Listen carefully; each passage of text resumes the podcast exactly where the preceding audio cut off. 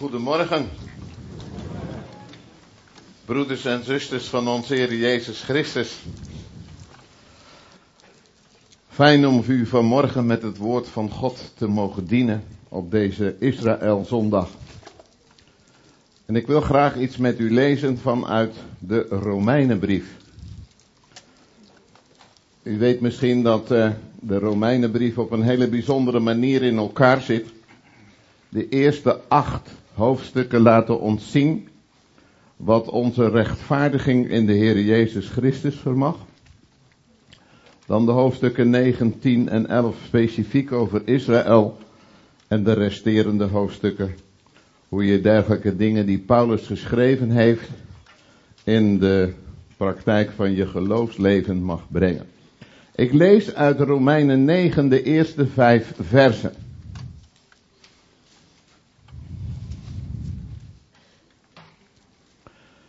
En in Romeinen 9 vers 1 tot en met 5 luidt het woord van God al dus. En het begint zo prachtig, want daar staat, ik spreek de waarheid in Christus. Ik lieg niet. En mijn geweten getuigt mee door de Heilige Geest. Dat het een grote bron van droefheid voor mij is en een voortdurende smart voor mijn hart. Want ik zou zelf wel wensen vervloekt te zijn, weg van Christus, ten gunste van mijn broeders, mijn familieleden wat het vlees betreft. Zij zijn immers Israëlieten. Voor hen geldt de aanneming tot kinderen en de heerlijkheid en de verbonden en de wetgeving en de eredienst en de beloften. Tot hen behoren de vaderen en uit hen is wat het vlees betreft de Christus voortgekomen. Die God is. Boven alles te prijzen tot in eeuwigheid. Amen. En dan gaan we naar Romeinen 11. De versen 25 tot en met 26. Romeinen 11. Vers 25. Daar zegt Paulus, want ik wil niet, broeders, dat u geen weet hebt van dit geheimenis. Opdat u niet wijs zou zijn in eigen oog dat er voor een deel verharding over Israël is gekomen. Totdat de volheid van de heidenen is binnengegaan. En zo zal heel Israël zalig worden, zoals geschreven staat. De verlosser zal uit Sion komen en zal de goddeloosheden afwenden van Jacob. Ik heb over de woordverkondiging van morgen geschreven, broeders en zusters. Israël nu en in de toekomst. Ik weet niet hoe dat hier in deze omgeving is, maar in de omgeving waar ik ben opgegroeid op de Veluwe en nu wonend in de Utrechtse Heuvelrug, kan Israël Gods oogappel vaak een onderwerp zijn van verhitte discussies. Zowel onder gelovigen als onder niet-gelovigen.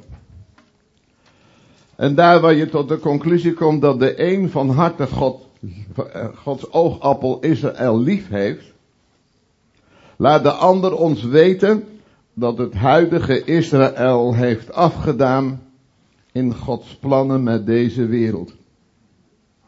En daarom is het zo goed als het juist ook over Israël gaat, dat we ons niet laten leiden wat men ervan zegt, maar wat het woord van God daarvan zegt. En uh, Paulus, van wie we zojuist een en ander hebben gelezen, werd door de ongelovige Joden beschouwd als een verrader van het Joodse volk. Wat waren ze eerst blij geweest met zijn activiteiten toen hij de gemeente van Christus tot op het bot heeft vervolgd. Toen was hij hun grote voorvechter geweest. Totdat hij op weg naar Damascus een levende ontmoeting heeft gehad met de Heer Jezus Christus. Ik denk als je in die tijd aan Paulus had gevraagd, Paulus, wat is nou toch jouw lievelingslied? Dat hij had gezegd, ja, ik ken Johannes de Heer niet en de bundel niet. Maar er is wel een lied wat er uitspringt voor mij. En dat is welke omkeer heeft God in mijn leven gebracht sinds Jezus nu woont in mijn hart. En nu is Paulus dus door de genade van God geroepen om het evangelie te gaan verkondigen onder de heiden. Hij is een apostel. En hij leert simpelweg dit. Dat elke zondaar nu, of je nou Jood bent of heiden, alleen behouden kan worden op grond van genade door geloof in de Heer Jezus Christus. En in de ogen van de ongelovige Joden is Paulus dus nu hun vijand geworden. En weet wat nou zo jammer is? Dat zien ze totaal, maar dan ook totaal verkeerd. Want Paulus heeft juist doordat hij tot geloof kwam in de Heer Jezus Christus, dat volk van God, Gods oogappel, meer dan hartelijk lief gekregen. En ik vind het gewoon ontroerend hoe hij daarvan getuigt op een ingrijpende wijze in die eerste drie versen. Paulus schrijft in Romeinen 9, 10 en 11 over het ongeloof van Israël. En ook over het feit dat ze de Messias verworpen hebben. Voordat hij echter de schande, het mislukken en het ongeloof van Israël gaat benoemen, legt hij eerst de nadruk op zijn liefde voor zijn volksgenoten. En dat doet hij op een buitengewoon indringende manier. Hij zegt, Heere God, als het mogelijk is, zou ik bereid zijn om mijn eigen leven te geven, als er maar uit het volk mensen tot geloof in de Heer Jezus zouden komen. Hij heeft begrepen persoonlijk wat het betekent. Ja, zijn liefde zocht mij. En zijn bloed, dat kocht mij. En dan ben ik door genade een kind van God. Ik denk dat hij misschien ook wel gedacht heeft toen hij dit schreef. Aan dat moment dat de Heer Jezus vlak voor zijn verzoenend lijden en sterven van de olijfberg afdaalt. Richting de Godstad Jeruzalem. En moet je eens op de achtergrond kijken. Toen waren die moskeeën er nog niet. Toen was er alleen de tempel. En je zag gewoon door de rook die opsteeg. Dat daar offers werden gebracht. Vele offers elke dag weer. En dan zou je misschien denken dat de Heer Jezus toen vol verrukking de handen omhoog had geheven en had gezegd, Abba Vader, dank u wel voor dit geloofsgetuigenis. Maar als u ooit daar ter plekke geweest bent, komt u halverwege de Olijfberg een kerkje tegen in de vorm van een traan. En er staat een inscriptie op een bord. Hier stond Jezus toen hij weende over Jeruzalem. Wat moet dat benauwend zijn geweest? De Heer Jezus die zomaar opeens spontaan begint te huilen. En hoor wat hij zegt. Jeruzalem. Rozendaal.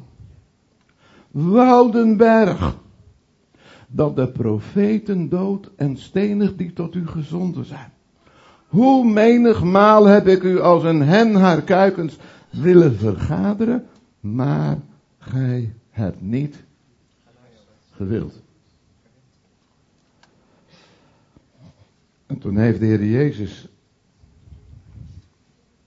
uitgesproken dat hij heden aan Israël onzichtbaar zou worden.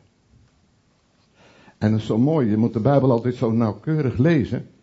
Maar dan staat er, totdat gij weer zult gaan roepen, Hosanna, gezegend hij die komt in de naam des Heren.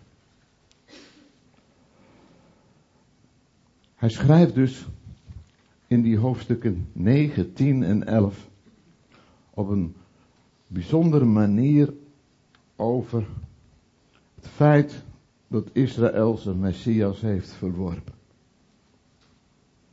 Dan zou u misschien de vraag stellen, waarom moeten we meer bedroefd zijn wanneer er Joden verloren gaan dan wanneer andere mensen verloren gaan?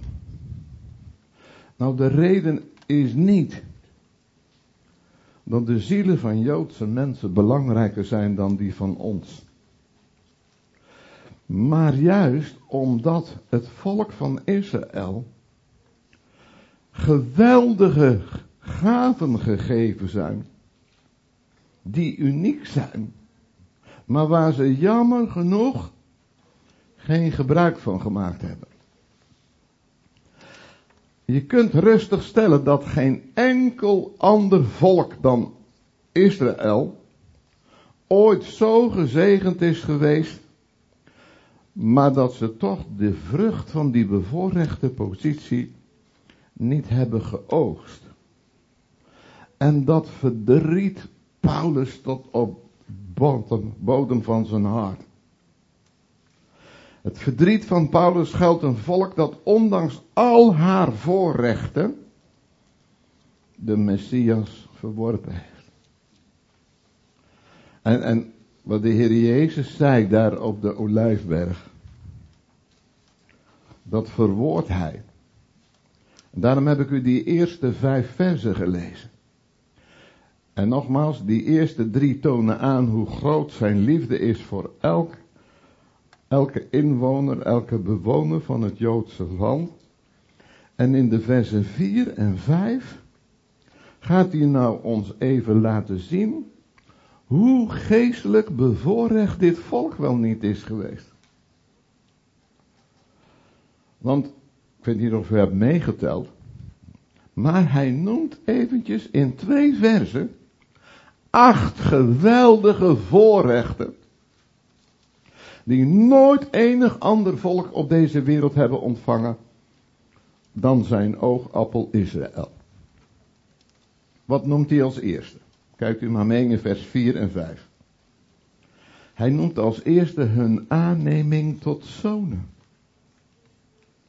Dus we lezen als eerste dat God het Joodse volk verkoos aan te nemen als zijn volk. Even voor het goede verstaan van dit schriftgedeelte. Deze aanneming betekent nou niet dat elke individuele Jood daardoor automatisch een kind van God is. Maar u moet het zo zien, het volk als geheel heeft een bijzondere band met God. Je leest bijvoorbeeld in Exodus 4, vers 22 en 23, en als u teksten noteert, Noteer die dan ook, Exodus 4, vers 22 en 23. Daar zegt de Heere God ons heel nadrukkelijk. Israël is mijn eerstgeboren zoon. Daarom zeg ik u, laat mijn zoon, laat mijn volk gaan.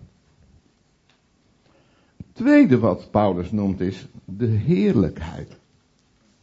En u weet, dat toen het volk in grote nood kwam daar voor de Rode Zee, dat die Shechina, die zichtbare heerlijkheid van God, als een beschermende muur tussen de aanstormende eh, Egyptenaren en het volk in kwam te staan. En hen gedurende heel de woestijntocht heeft geleid. Heerlijke zichtbare tegenwoordigheid van God. En geen enkel volk op deze aarde heeft datzelfde voorrecht gehad van die zichtbare tegenwoordigheid van God, die hen de weg wees, beschermde en veiligheid bood. Als derde noemt Paulus de verbonden. God sloot een verbond met de leiders van Israël. En we kunnen in de Bijbel lezen dat hij verbonden sloot met Abraham, met Isaac, met Jacob, met Mozes, met David. En steeds lees je in die verbonden dat God zich iets voornam te gaan doen voor Israël. Dingen die hij nooit voor enig ander volk op deze aarde heeft gedaan. Als vierde is daar de wetgeving. Als christenen kunnen we de wet van Mozes lezen. Maar we moeten niet de fout maken dat die wet voor ons gegeven is. Die is heel specifiek gericht, gegeven aan Israël. En niet en nooit aan enig ander volk. Als vijfde wordt genoemd de eredienst. Alleen aan Israël was het voorrecht gegeven om God op een bepaalde manier te dienen in de tabernakel en later in de tempel. Als zesde lezen we van de beloften. God gaf aan Israël de beloften van de regering van de Messias. En de beloften van zijn zegeningen. Aan geen enkel ander volk zijn ooit zulke beloften gegeven. Maar al die beloften heeft God beloofd aan Israël. Waarom? Om tot zegen te zijn voor de andere volken. Als zevende wordt genoemd de vaderen. Wij die tot de volkeren behoren, kunnen in de Bijbel lezen van Abraham, van Isaac, van Jacob. Maar alleen Israël mag spreken over het feit dat het hun voorvaderen zijn. En deze vaderen, lezen we vooral in het Oude Testament, vormen de heilige roots van Gods oogappel Israël. En dan noemt Paulus het achtste voorrecht. De Messias. De grootste eer en zegening ooit aan Israël is gegeven, is dat de Messias uit haar is voortgekomen. De Heer Jezus was een Jood, maar hij is ook God. Kijk, en daarom voegt Paulus eraan toe, die God is over alles, gezegend tot in eeuwigheid. Nou, dat is een lied wat zegt, tel je zegeningen. Tel ze één voor één. Maar als je deze acht geweldige voorrechten, deze acht geweldige zegeningen op een rijtje zet, dan moet je als volk toch zeggen, wat zijn wij toch bevoorrecht. Maar ondanks al deze voorrechten, broeders en zusters, ondanks al deze zegeningen, hebben ze de Heer Jezus, de Messias, verworpen. En het gevolg daarvan is dat heel veel kerken gezegd hebben, Israël speelt op godsdienstig terrein geen enkele rol meer. Maar ik wil wel eens de vraag opwerpen, als we in de lijdenstijd zijn, wie heeft nou de Heer Jezus gekruisigd? Dan zeggen we al heel vaak, dat heeft het Joodse volk gedaan. Dat is niet zo. Dat hebben de Romeinen gedaan. Nee. Er is in die tijd een dichter die het aandurft om te zeggen, ten zijn de Joden niet, Heer Jezus, die u gekruisigd hebben, maar ik, wij. Ja, Israël heeft wel geroepen, wij willen niet dat deze koning over ons wordt. En het heeft ook wel geroepen zijn bloed komen over ons en onze kinderen. Maar ze hebben de Heer Jezus Christus niet als hun persoonlijke Messias aangenomen. En, Paulus legt onder andere in de Bijbelbrief die hij schreef aan de gelaten uit. Maar je kunt het ook in de andere brieven lezen. Toen ze hem niet hebben aangenomen, moeten ze vanaf dit moment, net als u en ik, die voorheen heidenen waren, een persoonlijke relatie aangaan met de Heer Jezus Christus. Want zonder die persoonlijke relatie aan te gaan met de Christus, kan Israël niet genieten van haar voorrechten en zegeningen. Dat is toch wat? Je zo'n onvoorstelbaar rijke erfenis niet in bezit neemt. Israël heeft geen plaats gemaakt van die unieke voorrechten die God hen heeft gegeven. En hoe meer Paulus daar nou over nadenkt, dus te meer breekt zijn hart. En deze tragedie, broeders en zusters, hoort ook het hart te breken van elke gelovige in Christus. Nu was Paulus er in zijn tijd al vast van overtuigd dat God toch uiteindelijk zijn plan met Israël weer gaat oppakken. Ook als de Heer Jezus daar op de Olijfberg zo nadrukkelijk zegt dat het volk verstrooid gaat worden, in een enorme eenzaamheid terecht gaat komen, dan staat er in de Bijbel geen punt, maar dan staat er totdat gij weer roept, Hosanna, Gezegend hij die komt in de naam des Heren. En wanneer gaat dat gebeuren? Dat God zijn plan met Israël weer gaat oppakken. Kijk, en dat is nou de reden waarom ik u die twee versen heb gelezen. Uit uh, Romeinen 11, vers 25 en 26. Toen ik hier mocht zijn op uh, Hemelvaartsdag, hebben we het gehad over de opname van de gemeente. Wat staat hier? Ik nog even voorlezen? Wat staat hier nou?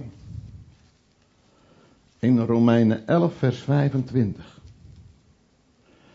Want ik wil niet, broeders, en dat geldt natuurlijk ook voor de zusters, dat u geen weet hebt van dit geheimenis. En dan staat er een stukje tussen gevoegd om ons iets duidelijk te maken. Wat naar alle waarschijnlijkheid niet in de oorspronkelijke tekst heeft staan. Dat er voor een deel verharding over Israël is gekomen. En dankzij God of Goden zij dank staat er dan geen punt, maar een komma. En dan staat er, totdat de volheid van de heidenen is binnengegaan. Dus wanneer gaat God zijn plan met Israël, zijn oogappel weer oppakken? Als de volheid van de heidenen is binnengegaan. Wanneer is dat zover? Op Hemelsvaardag heb ik u laten zien. Dat weet alleen God de Vader. Zie je nou vanmorgen iemand in de zaal zit of via de livestream naar ons luistert en kijkt. En u gelooft niet in de Heer Jezus, maar het woord van God en de liederen die we zingen spreken u zo aan dat u uw hart aan de Heer Jezus geeft. Dan kan het zijn dat u diegene bent die precies de volheid van de heidenen volmaakt.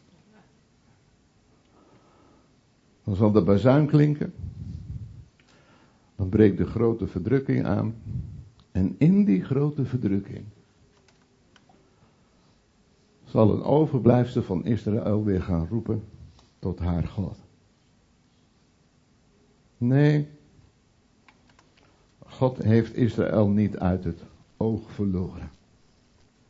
Want aan het einde van de dagen lezen we in de Bijbel, met name in aantal profeten, onder andere van Ezekiel, maar ook in het Bijbelboek Openbaring van Jezus Christus, geschreven door Johannes, dan zal God zich weer tot Jeruzalem keren met als doel dat Joodse volk te redden. En weet wat nou zo mooi is? Daar zien wij in onze tijd al het begin van. Tot 1945, maar ook nu nog, is de wereld druk bezig met Gods oogappel Israël te vernietigen. Maar sinds 1948 bestaat de Joodse staat weer in het door God beloofde land. Dit jaar dus 75 jaar geleden alweer. Hebt u zich wel eens afgevraagd waarom dat gebeurd is? Nou, omdat de Heer Jezus Christus op het punt staat om naar Jeruzalem terug te keren en om zijn voeten weer op de olijfberg te gaan zetten. En voor wie zal hij daar terugkomen? Dat is voor zijn oogappel Israël. Maar als we hier gezeten hadden samen honderd jaar geleden. Toen was het volk verdwenen, verstrooid over heel de aarde. Kon de Heer Jezus ook nog niet terugkomen en zijn voeten op de olijfberg zetten om zijn volk tegemoet te komen. Dus als hij wil terugkomen, aan welke voorwaarden moet dan voldaan zijn? Nou, dat Israël weer in het land is waar het rechtens de Bijbel recht op heeft. En daardoor zie je in onze tijd prachtige profetieën in vervulling gaan. Ik zal u er twee voorlezen. Jezaja 11, vers 12, waar we vanmorgen al een paar mooie versen uit voorgelezen hebben gekregen.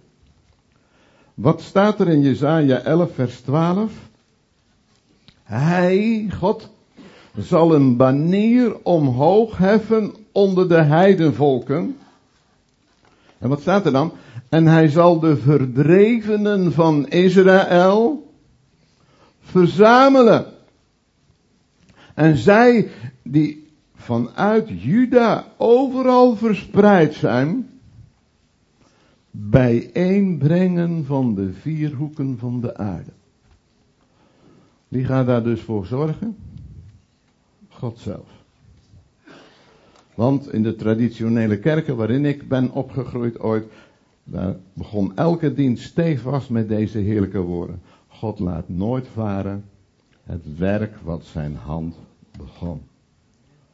Dus het bijeenbrengen van Israël is een teken voor de volken. Eerst wordt Sion herbouwd. En dan pas verschijnt de Heere in heerlijkheid. Daar heeft Sefania ook prachtige woorden over gesproken.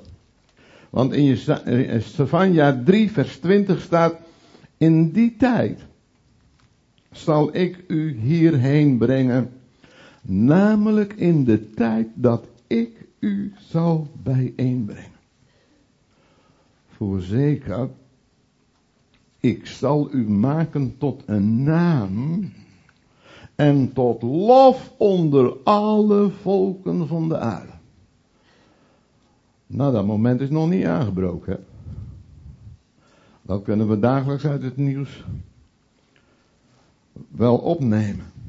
Ik zal u maken tot een naam en tot lof onder alle volken van de aarde. Dat zal straks het geweldige zijn van dat duizendjarig vrederijk. Waarin het volk van God gaat evangeliseren. En wat staat er dan achter?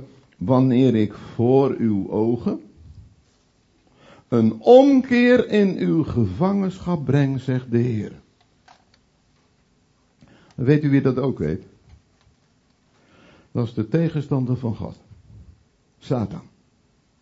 En daarom is hem er alles aan gelegen geweest in de loop van de eeuwen, maar ook hier en nu in onze tijd, om Gods oogappel Israël te vernietigen of het weg te nemen.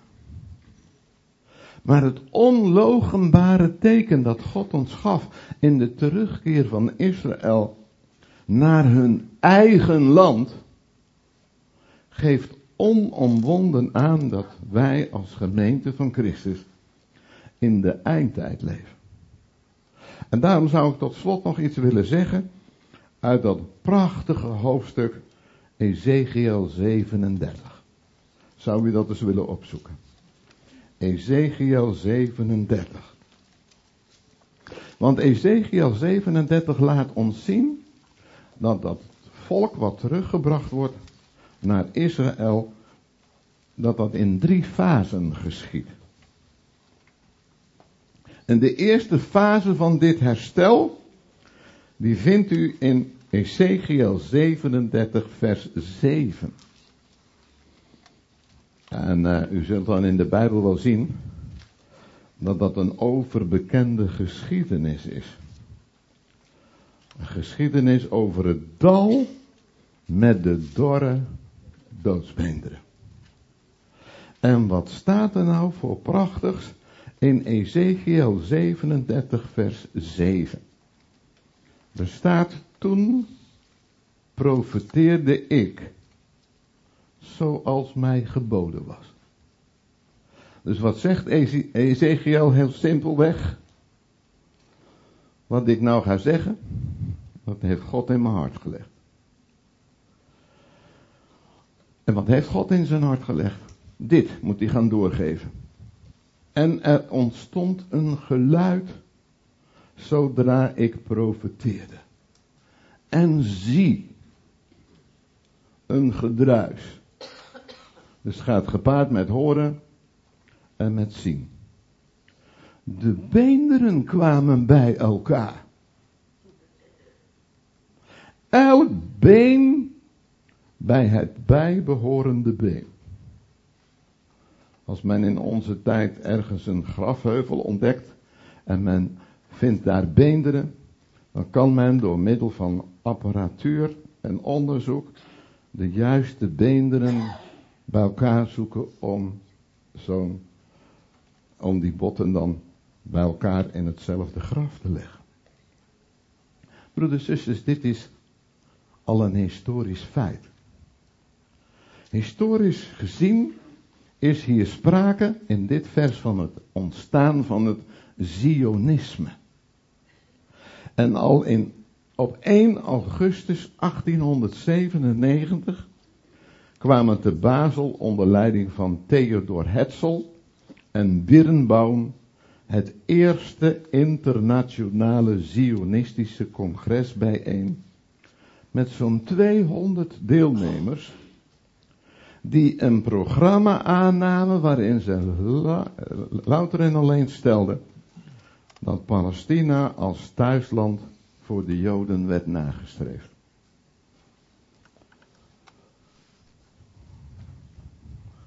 Er ontstond een, wat staat er? Er ontstond een geluid, een, een gedruis de, de beenderen die verspreid waren over de ganse aarde, die kwamen bij elkaar.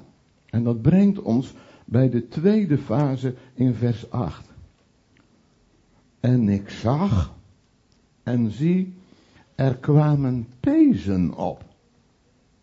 Er kwam vlees op. En hij trok er een huid overheen. Maar er was geen geest in hem.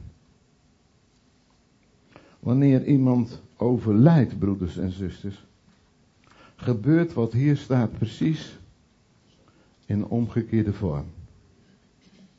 Maar als het echter geschiet zoals het hier wordt gezegd, dan krijgt iemand, zo, als dat zo prachtig wordt verwoord hier, dan krijgt zo iemand weer een gezicht.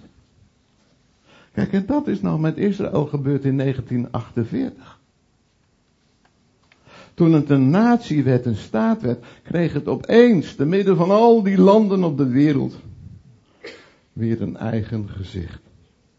En ze keerden voor die tijd weer terug in hun door God aangewezen en gegeven land. Zo zijn ze weer een herkenbaar land geworden. Met een eigen gezicht. Net zoals veel andere naties. En dat brengt mij, broeders en zusters, bij de derde fase. Want we lezen vervolgens in vers 9b. Zo zegt de Heere, Heere. Geest, kom uit de vier windstreken en blaas in deze gedoden. Wat staat er dan? Zodat zij tot leven komen. Weet u, ik hoop dat u dat ook doet. Mijn vrouw en ik bidden dagelijks voor Gods oogappel Israël. En Israël slaat zichzelf op de borst. Dat het zo geweldig veel uitvindingen heeft gedaan. Aan geen enkel volk zijn zoveel Nobelprijzen uitgereikt. En zulke wonderlijke dingen geschied. Zie je dwars door alles heen, ondanks dat men van de Messias niet wil weten, dat God dat volk in stand houdt. Daar waar de wereld geprobeerd heeft, ook in twee wereldoorlogen, om dat volk volkomen van de kaart te vegen.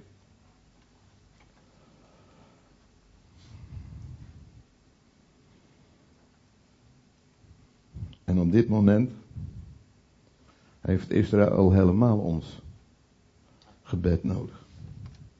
Want het volk is tot op het bot innerlijk verdeeld. En we lezen van massa bijeenkomsten gericht tegen de regering, tegen regeringsplannen. En dat gaat maar door. Er is nog veel te zeggen over Israël. Is een prachtig blad bij de middernachtsroep. Wat op een bijbelgetrouwe manier laat zien nieuws uit Israël. Dan hoor je de andere kant die door de media niet genoemd wordt. Maar jammer genoeg is er ook in onze tijd, in ons eigen land, te midden van ons eigen volk, zijn er nog mensen die zeggen dat ze gelovig zijn, in de Heer Jezus geloven, en ontkennen dat Israël weer hersteld zal worden. En die betrekken dus al die beloften van zegeningen, al die acht, die betrekken ze dan op zichzelf. En daardoor lopen gelovigen het gevaar trots, eigenzinnig en wereldsgezind te worden. Want broeders en zusters, wat wij goed moeten begrijpen als gelovigen in de Heer Jezus Christus, en u doet dat als gemeente, onze zegeningen, die zijn niet aards, maar ze zijn geestelijk en hemels. Terwijl God aan Israël een aardse bestemming heeft gegeven. Maar als je dan naar het journaal luistert, of je kijkt naar de programma's op Family 7, dan rijst toch de vraag, als een land al zo op het bot verdeeld is, wie gaat daar dan toch voor zorgen? Dat het uiteindelijk allemaal zo gaat geschieden, zoals in de Bijbel staat. Nou is toch maar één antwoord op mogelijk. Dan gaat God zelf doen. Want ik lees in Jesaja 37, in vers 12 tot en met 14 dit. Profeteer daarom. En profeteren in onze tijd betekent, spreek gewoon dat woord van God, zoals het in de Bijbel staat uit. En zeg tegen hen, zo zegt de Heere, Heere. Zie, ik zal uw graven openen. En ik zal u uit uw graven doen oprijzen. Mijn volk, ik zal u brengen in het land van Israël. Dan zult u weten dat ik de Heere ben, als ik uw graven open. En als ik u uit uw graven doe oprijzen. Mijn volk. Ik zal mijn geest in u geven. En u zult tot leven komen. En ik zal u in uw land zetten. En wat staat er dan achter? Zo'n geweldig getuigenis. Dan zult u weten dat ik, de Heere, dit gesproken en gedaan heb. Spreekt de Heer. Broeders, zusters. Ik vind het moeilijk om na Pinksteren, op de zondag na Pinksteren, te spreken over het thema de leidende kerk. Want dan denk ik, hoe kan het dat er zoveel broeders en zusters op deze aarde zijn, die elke dag geloven met gevaar voor hun eigen leven. En wij, wij denken één zondag in het jaar aan christenen die vervolgd worden. En ik vind het zo mooi als ik hier in de gemeente kom, dan zie ik het getuigenis ook van uw liefde voor Gods oogappel Israël. Ik wou dat alle kerken in Nederland zo'n prachtige, mooie, grote vlag neerhangen. Oh ja, we zetten even een zondag apart. Om met elkaar na te denken over het woord van God. En het geweldige feit dat hij heel spoedig, als we letten op de tekenen van de tijd, zijn plan met Gods oogappel Israël gaat volvoeren. En dat gaat hij zelf doen. Vandaag vieren we Israëldag. Maar mag ik u dringend en mijn klem vragen. Breng Gods oogappel. Elke dag opnieuw voor de troon van Gods genade. En bid voor ons als volkeren. Dat wij de Bijbel gaan zien als een door God gegeven boek. Waar wij nu door genade door iemand die uit het Joodse volk is voortgekomen. Elke dag weer opnieuw mogen genieten van de zegeningen. Omdat Hij een omkeer in ons leven heeft gebracht. Sinds Jezus nu woont in uw en in mijn hart. Glorie voor zijn grote naam. En dan zou ik één ding nog willen zeggen.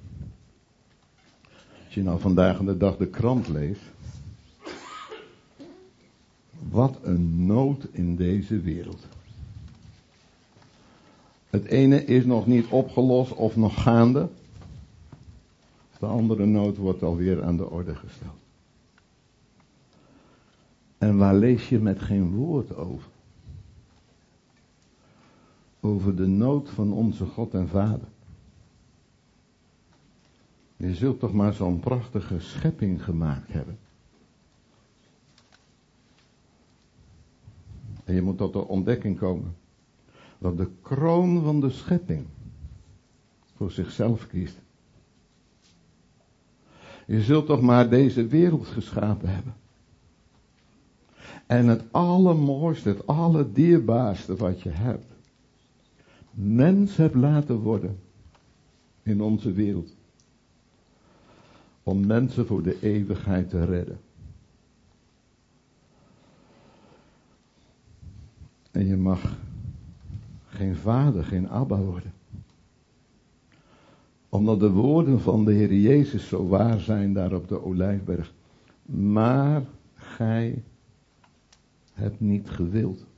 Broeder, zuster, als er iemand van ons verloren gaat, dan heb je het puur en alleen aan jezelf te danken omdat je niet hebt gewild. En waar lees je iets over de nood bij de Heer Jezus? Je zult daar maar voor de zonde van de wereld, voor elk mens dus, aan het kruis genageld hangen. En roepen, Vader, vergeef het hun, want ze weten niet wat ze doen. En je mag geen redden.